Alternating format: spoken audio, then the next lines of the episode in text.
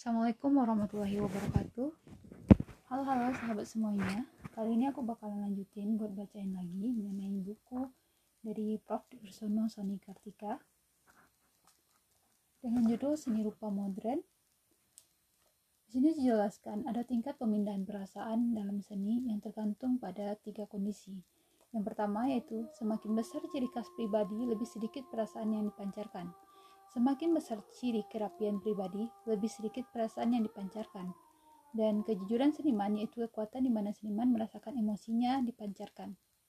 Jadi intinya itu lebih kejujuran. Dan aku lebih suka di sini dengan topik kejujuran ini karena uh, di saat aku belajar satu hal yang paling penting adalah karya seni itu bersumber dari kejujuran dari pengkaryanya, baik itu pelukisnya, pematung, pemahat, dan lain sebagainya.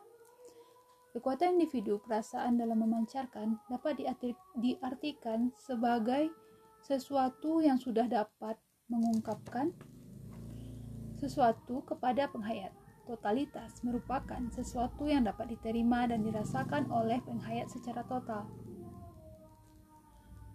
Alicia Gell merupakan oh, Gell dalam hal ini mengajukan 15 pokok-pokok kesatuan dari hal-hal yang berbeda, antara lain tentang kebebasan dan keberaturan perasa, persamaan dan perbedaan kesatuan dan keragaman impersonal dan personal alam semesta dan objek, logika dan emosi, kesederhanaan dan kompleksitas, kontinuitas dan diskontinuitas, kedalaman dan kedangkalan, ketenangan dan energi, berat dan ringan, outline dan warna, gelap dan terang, kesantaian dan keseriusan, kebenaran dan imaji. Kita masuk yang pertama yaitu kebebasan dan keberaturan.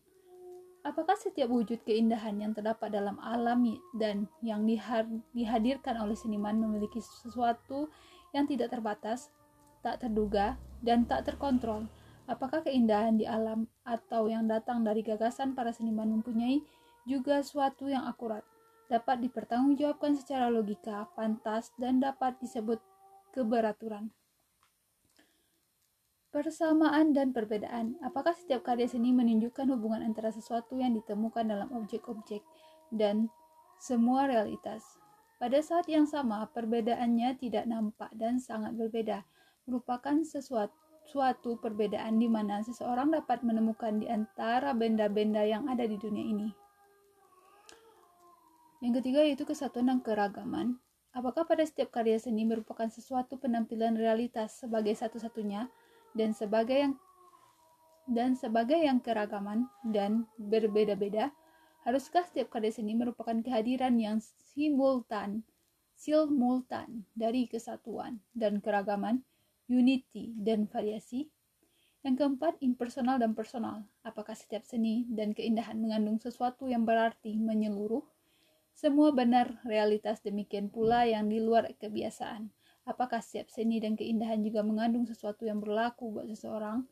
Seseorang yang telah tersentuh tergerak pandangan seseorang sebagai pribadi yang original. Alam semesta dan objek. Yang kelima. Kelima yaitu alam semesta dan objek. Apakah setiap karya seni mempunyai ketetapan tertentu, ketetapan yang dikonsentrasikan secara khusus, suatu kualitas dari eksistensinya yang khusus? Apakah setiap karya seni, sekalipun hadir dalam beberapa pengertian mengenai alam secara menyeluruh, sesuatu yang sugestif dari keberadaannya yang luas, merupakan sesuatu yang mempunyai kepentingan yang tidak terbatas melebihi fakta-fakta, logika dan emosi? Yang keenam, apakah logika yang ditemukan dalam setiap lukisan dan pada setiap karya seni Suatu desain yang menyenangkan dapat diterima akal, detail-detailnya terhimpun pada kesalahan dalam suatu pertalian yang meliputi aransemen. Apakah di sini yang menggerakkan seseorang, menggerakkannya secara tak terbatas yang mencakup ketenangan serta kekosongannya atas realitas, menyuguhkan emosi padanya dan menyebabkannya beremosi.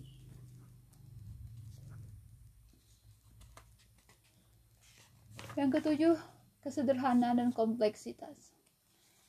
Apakah dalam suatu karya seni, kesederhanaan, sesuatu kedalaman yang naif, suatu keberlangsungan kekangan diri disertai mungkin oleh kelangsungan yang segar atau pengham, penghematan yang mengherankan, sedemikian kekayakah tidak bisa disimpulkan sesuatu yang tersembunyi, tiada kerumitan dan kesederhanaan yang utuh, kompleksitas yang bersifat olok-olok atas realitas yang dimediakan.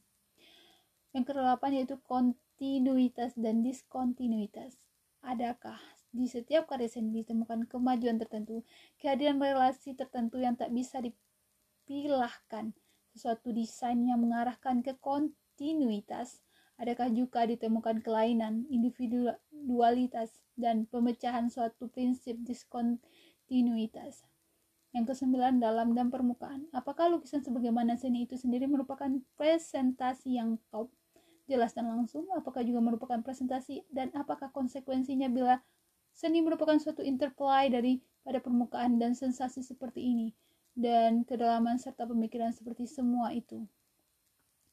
Yang ke-10, diam dan energik. Apakah yang ada dalam lukisan merupakan efek yang muncul dari gabungan diam dan energik dalam pemikiran si seniman? Dapatkah keduanya baik yang diam maupun yang energik terlintas pada garis warna bidang dan volume permukaan dan kedalaman, detail dan komposisi lukisan?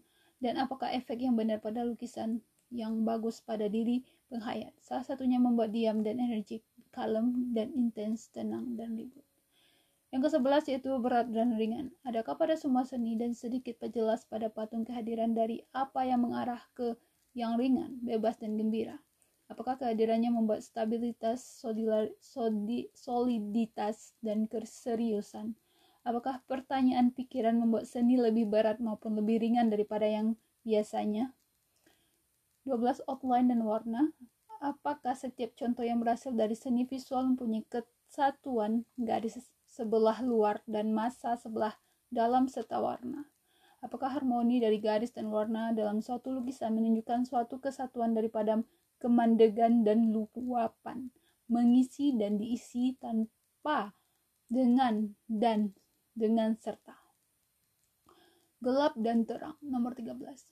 Apakah semua seni menghadirkan dunia sebagai yang nampak, berkilauan, yang berlaku seterusnya?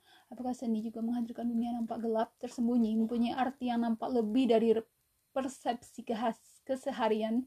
Apakah problem teknis dari gelap dan terang dalam lukisan dikaitkan dengan persoalan realitas diri pada yang berkilauan dan tersembunyi? Yang ke-14 yaitu longgar dan serius. Adakah di sini yang dapat disebut suka main-main, kenakalan yang berharga, tak terkendali dan sportif dalam suatu karya seni. Adakah di sini juga yang apa yang disebut serius, sungguh-sungguh, punya arti yang menyeluruh, benar-benar berharga? Apakah kelonggaran dan sportivitas, keseriusan, dan yang penuh arti interplay dan ketemu di mana pun dalam garis shape, figure, relasi, dan masukan akhir daripada suatu lukisan. Yang ke-15, kebenaran dan imajinasi. Apakah seni setiap lukisan merupakan suatu campuran dari pikiran yang mudah diterima dari apa yang ada sebelumnya dan dari pikiran yang bebas serta yang berharga yang menunjukkan apa yang lewat pemikiran menemukan sesuatu. Apakah setiap lukisan karenanya merupakan suatu kesatuan dari apa yang terlihat sebagai item dan apakah nampak sebagai kemungkinan dari fakta dan wujud keseharian dan keasingan? Apakah seseorang mewujudkan dalam lukisan objektivitas dan subjektivitas? Pada dasarnya, tulisan Alicia Gale sudah pernah disinggung oleh para filsuf pada masa lampau. Hanya saja beliau-beliau itu belum merumuskan secara menyeluruh. Alicia Gale berpendapat bahwa seni adalah kehidupan, seni adalah hidup. Karya seni yang hidup menurutnya adalah kesatuan dari hal-hal yang saling bertentangan. Oke, mungkin itu dulu dan untuk hari ini aku bacain sedikit karena nanti bukunya bakalan dikembalin dan besok kita bakalan nanti bakalan dipinjam lagi. Mungkin untuk kontinuitasnya aku bakalan usahakan buat uh, menyegerakan bisa membaca seluruhnya. Itu saja dan wassalamualaikum warahmatullahi wabarakatuh